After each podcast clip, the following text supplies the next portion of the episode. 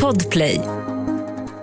Det är onsdag 5 april 2023, live från Bulton, Kalifornien och okänd skidort i Sverige. Det här är The Daily Messiah, ditt nyhetsflöde med mig, Messiah Hallberg. Klara Doktorow. John Wilander Lambrell. Härligt att se dig John.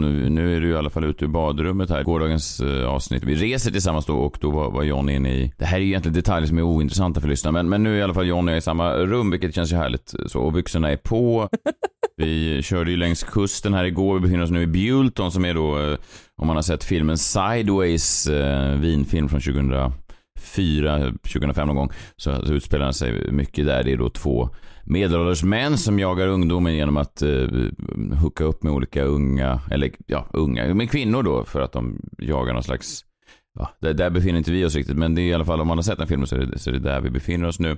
De dricker också mycket vin i filmen. Mm. Det är en av Johns favoritfilmer och jag, har, mm, jag såg den på bio när den hade premiär i Sverige i februari 2005. Jag minns det här för min flickvän åkte till just Nya Zeeland då, dagen innan. Men, men, men jag tyckte om den, men jag vet att jag har identifierat vad Johns favoritfilmer är. Han älskar den här filmen. Han älskar, smaka på det här Klara, han älskar filmer som är puttriga.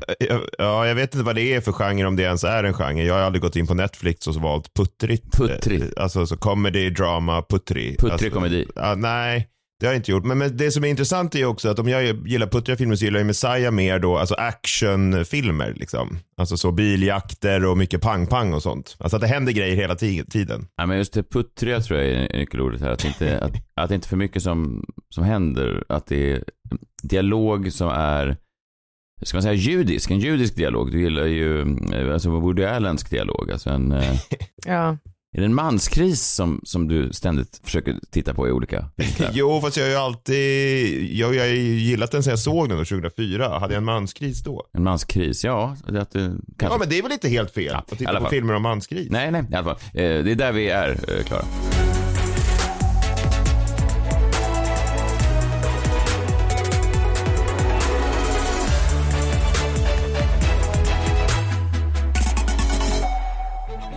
God morgon på er, hoppas ni är med oss. Om ni missade eh, de stora nyheterna igår från och med igår då, eller från och med förrgår egentligen, så, var, så är vi tillsammans den heliga treenigheten igen. Eh, återförenade för alltid i evighet. Amen, det är ju härligt. Eh, ingen av oss ska vara i alla fall vad jag vet borta ett tag nu. Så att om man har tyckt att det har varit eh, lite mycket eh, fokus på, eh, jag vet inte, tvåsamhet så är det nu då en, en helig treenighet tillbaka varje dag fram till midsommar i alla fall. Det är ju härligt. Någon som haft problem eh, läste jag, det är artisten Teos, kanske Sveriges gulligaste artist på tal om puttriga. Ni vet han, ja, han var med i Mello, han med den här blonda Nick Carter-frisyren. Han har ingen manskris tror jag. Manskris nej. Nej, det tror jag inte. Nej, han har kanske en pojkkris. Ja, undrar om han gillar Sideways. Sideways 2 är kanske jag och Theo som åker genom vingårdarna. Nej, jag tror att Teos... Eh... nu får John en manskris här i realtid. Usch, vad fan är det du sitter och säger? Jag måste sätta på Sideways snabbt här för att... Nej, han har inte haft någon... Jag tror att han skulle somna om man tittar på Sideways, eh, Teos. Han skulle inte kunna relatera till det som, som John så lätt relaterar till, det här att man jagar ungdomen eh, via... han får gå på någon actionfilm med dig istället. Pang, pang. Han har då eh, tvingats ställa in, eh, läste jag här igår, sin sommarspelning på djurparken Furuvik. Furuvik, det var ju de som hade så svårt för um, schimpanser. ja, de släppte ut dem ja. Vänta nu, var det inte schimpanserna som hade svårt för dem? Det var ett uh, ohälsosam relation. Ja, just det. De lyckades fly till ett safehouse. Ja. Som, ja, det gick ja, inte jättebra. I alla fall. Och då har då Furuvik blivit sett då i djurkretsar, det vet ju du Klara, att, att djurmänniskor är ju kanske de mest radikala vi har i landet. De bryr sig väldigt mycket och uh, de har då stämplat Furuvik som någon slags uh, treblinka liksom. Så att artister då som har tänkt spela där i sommar får hot och hat. Alltså de ser det då som att, att en artist bokar på sommaren 45 i Treblinka. Alltså att det är strax efter liken har skördats ut. Så är det så livespelning med Teos på fångården.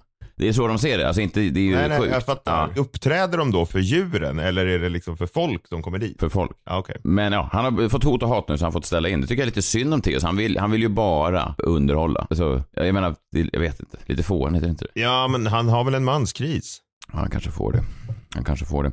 Vad har hänt hemma i, uh, i Sverige då, Klara? Jo, men jag tänker ju på den deppigaste skalan. Det måste väl ändå vara de betalde influencersamarbetenas skala. Och jag vet att jag är på den här själv, men jag tror inte att jag har begått de här brotten. Eh, vad jag tänkt på i alla fall. Alltså de här brotten som jag ska prata om nu. Och på den ena änden då så hittar vi Katrin Zytomierska som ni alla vet vem det är som nu hotas med vite. Och hon riskerar då att behöva betala 1,2 miljoner kronor för utebliven reklammärkning på minst två olika inlägg om hennes produkter från Clean Eating. Och 2020 så fälldes hon senast för just exakt det här då dold marknadsföring. Och det är då konsumentombudsmannen KO som eh, hävdar då att hon har brutit mot den här lagen igen. Och eh, ja, vad ska man säga om det här? Det är väl ganska vanligt att influencers liksom gör reklam för sina egna produkter utan att reklammärke. Det händer ju hela tiden och man ser väldigt många gör det, men av någon anledning så åker alltid Katrin Zytomierska fast. Men då, på den andra sidan av den här skalan som jag tycker är liksom, och här blir det ju så otroligt deppigt, det är så mörkt. Där har vi youtubern och influencern eh, Pontus Rasmusson som då har varit i blåsväder ganska länge nu bland annat för att han har gjort opassande merch och haft kontakt med alldeles för unga fans. Eh, ja, vi har ju pratat om det förut så vi behöver inte dra allt det där igen. Men det han har gjort är alltså att göra reklam för produkter och reklammärke produkter på Instagram utan att faktiskt ha haft ett uppdrag från de här varumärkena att göra reklam för dem. Förstår ni vad jag menar då? Jag tänker att det är lite som den där galningen i Visby som hette Eva då, som hade ridhjälm och alltid drog lottorader högt för alla inne på McDonalds. Och hon fick ju inte heller betalt av Lotto, men hon gjorde ändå reklam för Lotto. Och så här är det då för Rasmusson som har gjort reklam för varumärken han inte får betalt från att göra reklam för. Och de bolag som hittills då har tagit avstånd från hans reklammärkning är hittills Olins, det är Mickey of Sweden som gör leksakskök. Vad nu han gör reklam för dem, det vet inte jag. Det kan jag inte svara på. Björn Borg kalsonger. Det är Tan Revel och AIM Sportswear som har tagit avstånd från då Pontus Rasmusson. Och jag vet inte, det är sorgligt det här. Liksom. Det är två helt olika ändar av influencersamarbetesskalan. Men anledningen till att de båda då är i hitluften tror jag lite beror på bloggbevakning Camilla ger vidare. Man vill inte hamna på hennes radar för då riskerar man ju ja, men att liksom lyftas upp och synes på det här sättet. För jag vet ju att det är så jävla många som begår de här brotten men som aldrig liksom uppmärksammas. Men de här två stackarna då de plockas upp, lyfts upp och så blir det kvällstidningsrubriker. Och det, jag tror att det är mycket tack vare henne, eller på grund av henne. Det deppigaste är väl att jag nu också har hamnat på hennes radar för att hon började precis följa mig. Och där vill man inte vara. Men jag fattar inte riktigt. Alltså Pontus Rasmusson, säger han att han har reklamsamarbeten? För jag menar, annars pratar han väl bara om... Nej, nej, nej. Alltså... Han hade alltså använt Instagrams egna reklamtagg som det står betalt samarbete Jaha. och sen det här Jaha. är reklam för och sen varumärket så att säga. Så att han går ut och, och gör ett ett liksom, ja, men, konkret samarbete. Bara det att företagen säger att vi har aldrig någonsin skrivit under på något samarbete med den här personen. Så att, ja, det var väl där det blev lite märkligt. Att göra reklammärkningar utan att faktiskt ha reklam och marknadsföring. Jag vet inte. Jag fattar, men så det är alltså som att när John går då genom lobbyn på Hotel Roosevelt här i, i, i LA så det ser ut som att sån eh, Louis Vuitton-butik har kräkts på honom. Då skulle han då eh, ha taggat det som att Louis Vuitton hade valt honom till deras nya spokesperson. Fast i själva verket hade han bara lagt massa pengar på att köpa Louis Vuitton. Men vad är mest credit? Att köpa då Louis Vuitton, vilket inte stämmer, produkter eller att vara, ja det är ju att vara sponsrad. Han är ju liksom någon slags disruptor i all den här dumheten som är influencer. Jag gillar det ju lite grann. Han går emot trenden. Ja, han, ja, men han går emot allt det dumma. Alltså han, han, han kollar ju ut liksom de här varumärken och alla de här influencersamarbetena. Jag vet inte, nu har jag inte sett exakt hur han gör det, men det är en rolig Alltså det är en rolig idé av honom. Ja, tror du att han har tänkt så mycket eller är det någon form av liksom manskris möjligtvis? ja, men jag, som du vet så gillar jag manskris och kanske är det Pontus Rasmusson jag ska ta med på den här vinresan istället för Theos. Gud vad obehagligt. Ja. Sideways 2, Pontus Rasmusson och John. Sp sponsrade av en massa företag. och de här Mickey, leksaksspisarna. Leksakskök. Sitter i sådana i bilen.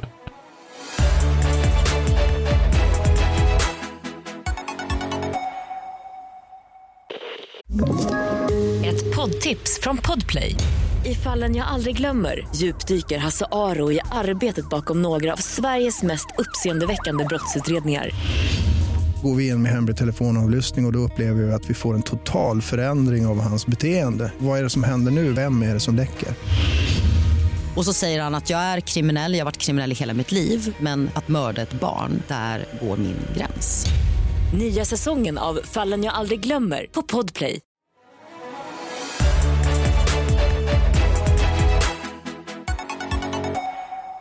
DNA-rapporten har kommit in nu. När vi reser tillsammans ibland så delar vi rum så, så väcks man av olika nyhetsrapporteringar. Och då förstod jag här att det är så att nu har DNA-rapporten kommit då för Madeleine och det visar sig att hon är en prinsessa. förstod jag rätt? Jag förstod ingenting av det. Alltså DNA från då Julia Wendel som påstod sig vara den försvunna Madeleine McCann. Jaha! Jag trodde du menade alltså prinsessa Madeleine Bernadotte. Jag förstod ingenting att det var att de hade gjort någon DNA-forskning där i du menar att man kan genom DNA se om någon verkligen är en prinsessa? Nej, jag förstod inte, jag var sömndrucken. Men okej, okay, då förstår jag. okay, ja. ja. Nej, eh, grejen är ju då att Julia Wendel, hon den här polska tjejen som gick ut hårt i sociala medier, påstod sig vara Madeleine McCann för några, vad fan är det nästan månader sedan. Eh, nu, de gjorde ju då såklart ett, ett DNA-test eh, för att se om, om hon var Madeleine och eh, det här måste ju vara då världens långsammaste DNA-test. Alltså jag vet ju jag gav till mina föräldrar att de skulle se var de var ifrån och så här. Det tog ju bara några dagar. Medan det här har tagit då flera veckor, nästan månader. Nu eh, är det klart. Hon är inte Madeleine McCann. Hon är inte Madeleine McCann. Nej, nej. nej. Så hon har ju varit med om, verkar det som, fruktansvärda saker. Man hoppas ju att hennes sökande efter vem hon verkligen är och så, liksom blir mer lyckat då i, i framtiden. Får man hoppas på. Och eh, framförallt så hoppas man också att Madeleine McCann någon gång kommer, man någon gång hittar henne. Såklart. Ja, det är ju sorgligt för familjen också om de nu trodde, men de kanske inte riktigt trodde de på det. De trodde inte på nej, det och. Eh, det gjorde ju inte, vi var ju ganska tidigt ute med att säga att det här är något lurt. Det här jo. tror vi inte på. Det är fascinerande att människor alltid är sådär, oavsett om det är sådana här fall eller om de då reinkarneras eller någonting, att det alltid är att de är speciella personer som har haft en, en impact i världsordningen. Liksom att det är alltid så. Jag tror att jag är reinkarnerad och jag är ganska säker på att jag var Tutankhamon i tidigare liv. är det här du som säger det? Du bara tar ett exempel. nej, men, nej, men, du var prinsessa i tidigare livet kanske.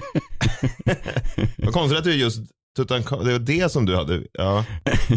jo men jag menar bara att det är aldrig någon som är Skandiamannen. ja fast det kanske det är nu, men det är aldrig någon som är mellanchef på, nej, något företag bara. Ja fast jag sätter min arm på att ingen kommer påstå att de var Skandiamannen.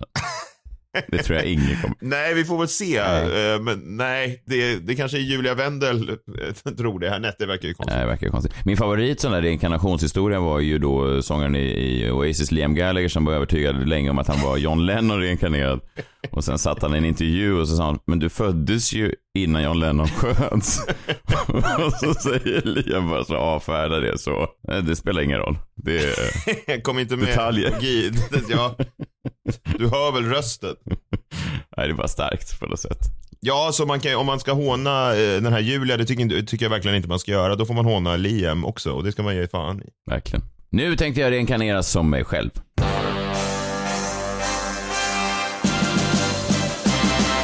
Messias minut. Snyggt va? Jag reinkarnerades på en sekund som mig själv. Eh, jag är tillbaka med det älskade segmentet Messias minut. Klara Doktorow, jag vet inte om du undrar eh, länge hur jag tog mig till USA, om det var kanske båten, färjan. Eh, nej, det var det inte. Det var flyget och det var inte vilket flyg som helst utan det var ett, ett helt vanligt flyg. Och det var då inte heller, för det var slut på både, alla bra platser på planet var slut så jag fick ju då sitta i en sån här trestegsraket. En sån här med vanligt eh, folk, alltså inte ens ett plussäte, inte ens en tvåa, inte ens en lite extra benutrymme utan det var en en sån där trång, du vet, det är en 10 timmars flight. Det är ju... Rad 52. Det jag kan känna ibland när jag gör en sån där bokning innan är att man ändå gör någonting för, hmm, man gör en insats ändå kanske. Alltså att man känner, man gör någonting som vanligt folk gör. Alltså att man, nej men jag försöker verkligen formulera så att det inte låter, så att det inte låter bortskämt, men att man gör någonting med, tillsammans med andra. Så.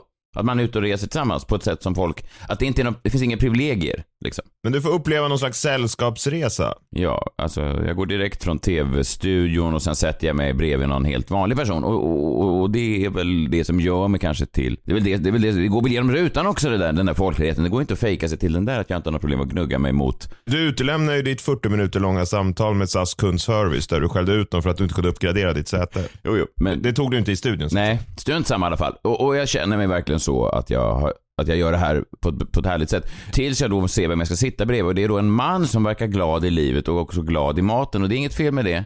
Men just när jag sitter precis bredvid honom så, så är han då, han tar upp väldigt mycket plats, han tar även upp lite av min plats. Och det kan man göra om man vill. Okej, ett säte kunde inte... Täcka hans. täck- contain him. Nej, utan han, han, och han var också, han var nöjd, han var bekväm, han hade inga problem. Han satt som en kork, han rörde sig inte på tio timmar och det kunde inte jag heller. Mitt ben domnade bort efter en timme och sen kunde jag inte röra mig de resterande nio.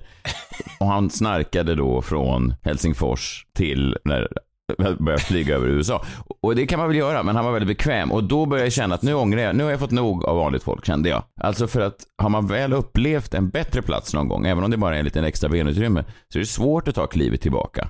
Jag börjar tänka på den här Ulf Lundell-låten mm, Ut ur mörkret när han sjunger eh, Jag har jobbat så hårt de här åren, jag har slitit som en hund dag och natt. Eh, ibland känns det som jag tappat bort mig själv längs vägen. Jag kan bli rädd när jag hör mitt eget skratt. Den satt jag och eh, nynnade som ett mantra för mig själv då, att jag har faktiskt jobbat hårt här och jag kanske inte om jag ska sitta i tio timmar med ett bortdomnat ben, det kanske inte är värdigt. Det är svårt att kliva tillbaka. Jag tyckte om idén i praktiken av att vara en av de andra.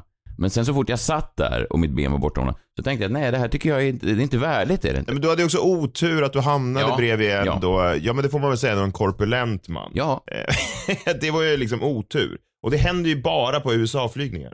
ja, jag vet inte. Jag, jag vet inte. Strunt samma. Jag bara kände att jag inte... Eh, ibland blir man ju väldigt pigg på idén av att umgås med vanligt folk. Ofta går det över när man väl träffar vanligt folk. Eller lever som vanligt folk. Det är också som en annan sång eh, med Palp, Common People. Att det finns ju den här, den här posören då, den här tjejen som går runt och går i någon slags public school och umgås med vanligt folk och säger att det är härligt att uppleva det här precis som common people. Och sen sjunger han ju då att du kommer ju aldrig förstå vad, vad common people genomgår för du kan ju bara ringa din pappa och sen ta dig ur den här illusionen. Och det försökte jag göra så fort jag kunde då, så fort vi kom fram till eh, Los Angeles. Vi har varit på lite sådana här, eh, jag vet inte, inte, inte för att jag är rik på något sätt, men liksom du vet, man har gått på lite sådana rikemansspottar där man då träffar mindre vanligt folk och kanske mer folk som har en, en exklusiv livsstil. Liksom en, eh, ja, men en av de här ställena som vi var på nu, där var ju då i veckan, eh, vad heter hon som blev portad? Eh, Caitlyn Jenner. Caitlyn Jenner. Caitlyn Jenner blev då inte insläppt där för att hon hade håliga jeans. Ja, så var det. Nej, inte samtidigt som vi var där, det var bara, vi läste om det bara. Jo, men jag menar, det, förstår, det var liksom den, han från mittsätet på planet skulle ju inte, jag skulle inte träffa honom där när jag beställde en våffla. Alltså, Nej, han skulle dock beställt våfflor. Ja, jag gjorde också det, men vi delar vissa grejer, men också inte andra. Ja. Och jag tänkte lite på det här, för det man ser när man är inne i de där miljöerna är ju att det finns en, en, någonting som förenar dem. Och man undrar vad det är som förenar människor som går på sådana ställen. Alltså vad är det i framgången och rikedomen som finns bland de här människorna som får axlarna att sjunka? Vad är det som får dem att... De rör sig i sådana miljöer med sån lätthet det var en väldig mix av människor liksom, och det är en mix av människor som man kanske inte ser annars i USA för det är ganska segregerat. Här sitter då en svart hiphop-producent och high-fivar några små asiatiska män som ser ut som de kanske är dataprogrammerare. Det är kanske är fördomsfullt av mig, men de, de, de, var inte hiphop-producenter i alla fall. Nej, och du vet ju heller inte om den svarta mannen var hiphop-producent. Jo, det var jag ju. Han kände jag igen. Ja, just det. Ja. Ja. Och du känner inte igen de kinesiska Nej, jag har sämre koll på Nej, de det är ju för sig- programmeраrscenen i, i Asien. Just det. Ja, och så kommer det in någon, någon sån eh, lite modelltjej och sätter sig med dem och kindpussar dem. Alltså det är som ett amerikanskt Soho House förutom att istället för då Ninni Schulman och eh, Mikaela Hamilton. Eller jag vet inte vilka, jag vet inte vilka som är kända i Sverige. Jävla random. Ninni Schulman. ja, men, Ja, men bara för ja, men alltså, alla Schulman ska jag Ja, men eh, Andreas Wik och Pekka Heino. Världens konstigaste restaurang. Ja, men jag vet inte vilka som är kända i Sverige, men det är massa sådana ja, men blasé-människor. Kicken Lundqvist och eh, Ja, men Kicken är väl Mats bra. Wilander och eh, Robin Moos. Robin Moos ja. Ja, men- men, de skulle man, ja, precis. det är då USAs motsvarighet till det, att de bara rör sig där inne. Och en kille som jag lade märke till, han var väldigt bekväm, för jag eh, reser ju ofta nu i en, i en flanellpyjamas, vilket jag har då på mig i rummet, men den stannar ju också i rummet. Och jag tycker ibland lite genant att dyka upp för John i en flanellpyjamas, jag tänker att om jag någon gång skulle Det är genant även för mig. det är en hel pyjamas liksom. Det är från en topp, en, en helkroppsstrumpa kan man säga. En väldigt fin randig, men den är ändå ganska osexigt. Alltså om jag någon gång ska träffa en ny tjej så tror jag inte att, att jag skulle dra på den på andra dejten så att säga. Men det var en man då på ett av de här ställena, Sunset Tower, som då gick runt i, vad ska man säga, ja i en pyjamas, alltså inne på brunchen. Ja. Alltså han hade en vinröd pyjamas och solglasögon inomhus. Silke såg det ut då. Ja, silke. Och han Mm. var så otroligt bekväm i den här. Alltså en, en bekvämlighet som man bara kan känna tror jag om man har nått någon slags framgång i livet. För det är ju konstigt att vara, jag är inte ens så bekväm på mitt hotellrum i pyjamas, men han gick runt och cirklade runt med den och hälsade på folk i den. Och det är ju någonting i det där som är spännande, tycker jag. Skulle Kicken ha gjort det då, i den, på den svenska motsvarigheten? Det är ju väl mer tveksamt. Ja, jag, jag vet liksom inte vad det är med framgången och rikedomen som gör det där att axlarna sjunker. Det är någonting med självklarheten i ett beteende, att man aldrig liksom det kanske är någonting i att man aldrig behöver trycka sig ner bredvid en storvuxen man i en tresätare. Och, och det gör då att man vågar dyka upp på LAs mest exklusiva ställen i en pyjamas och känna att det här är helt okej. Okay. det är otroligt. Och det var inte jättekonstigt heller. Om du hade dykt upp i pyjamas hade ju folk tittat kanske. Eller kanske inte. Det kanske är ett sånt typ av ställe. Ja, kanske. Men det här gladde mig ändå. Det fanns någonting som hände på både Sunset Tower Pool och Lounge, de här ställena, är ju att vid olika tillfällen under kvällen så hände någonting som gjorde ändå att det fanns en viss folklighet där. Och det här, det här tror jag både jag och John är överens om att det här var väldigt härligt. Det är ju då att de plötsligt bara brast ut i sång. För det var någon då i, i lokalen som faktiskt fyllde år. Och det var ju väldigt härligt att se att de här rika människorna också hade anammat den här, den här trenden att man ska sjunga på restauranger. Det tycker jag är härligt. Här är en inspelning från gårdagens middag på Polo Lounge. Jag bara lite, jag hann med bara slutet bara när någon, kan det ha varit någon i Jenner-familjen som fick en sång tillägnad? Det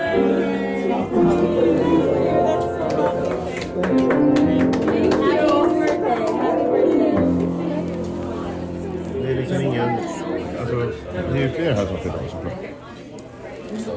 Jag vet inte om du hörde det i slutet, klar, men då var det Jan som surt muttrade under his breath. Det är ju fler här inne som fyller år. Det var ju flera gånger de sjöng den här jävla låten. Det är ju helt sjukt. Det här är också någonting som förenar då liksom någon slags underklass och överklass och tjock, alltså tjocka män på flyget och smala män. Det är liksom alla sjunger den här jävla födelsedagssången. Alla älskar det. Alla går igång på det och det är det som förenar oss mest av allt. Och så sitter man, alla liksom är glada, man tittar sig runt i restaurangen, alla är glada. Servitörerna är glada, diskpojkarna är glada, någon slags latinokille som parkerar bilen är glad. Nej. Det är en man i restaurangen som sitter och muttrar för sig själv. Det är fler här inne som fyller år. det är ju fler där inne som fyller år, de är ju inte glada. Det är så jävla sjukt beteende. För varje dag som går på de här liksom, födelsedagssångerna så blir jag mer och mer hur sjukt det är liksom. Att det är så själviskt. Det är samma sak som att inte köpa två säten på ett flyg när man tar upp två platser. Visst låter det som en manskris, Macron? Ja, men det där är ju din manskris, John. Ja, på min och Pontus Rasmussons uh, wine trip så kommer det inte sjungas några födelsedagssånger. Då går vi därifrån. Jag tror att du ska dra öronen åt dig om han börjar sjunga födelsedagssånger, för jag är ganska rädd att de här gratulerar är ganska unga. Ja, men det ja. finns flera problem med det. Ja, det finns ganska många problem. Jag tror att vi får stanna där innan vi säger någonting dumt, innan vi får bloggbevakning efter oss. Vi hörs imorgon, Klara. Då är det krimmorgon också. Det blir kul. Ja, det ska bli väldigt kul faktiskt. Mm. Ta hand om er själva och varandra. Ja, hej så länge. Jag tror vi pratar Marilyn Monroe imorgon. Det ja, blir, det gör vi. Det blir skoj. Vi hörs då. Hej, hej. Hej, hej. Hej.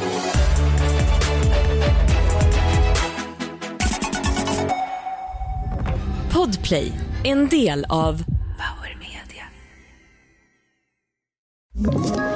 Ett poddtips från Podplay.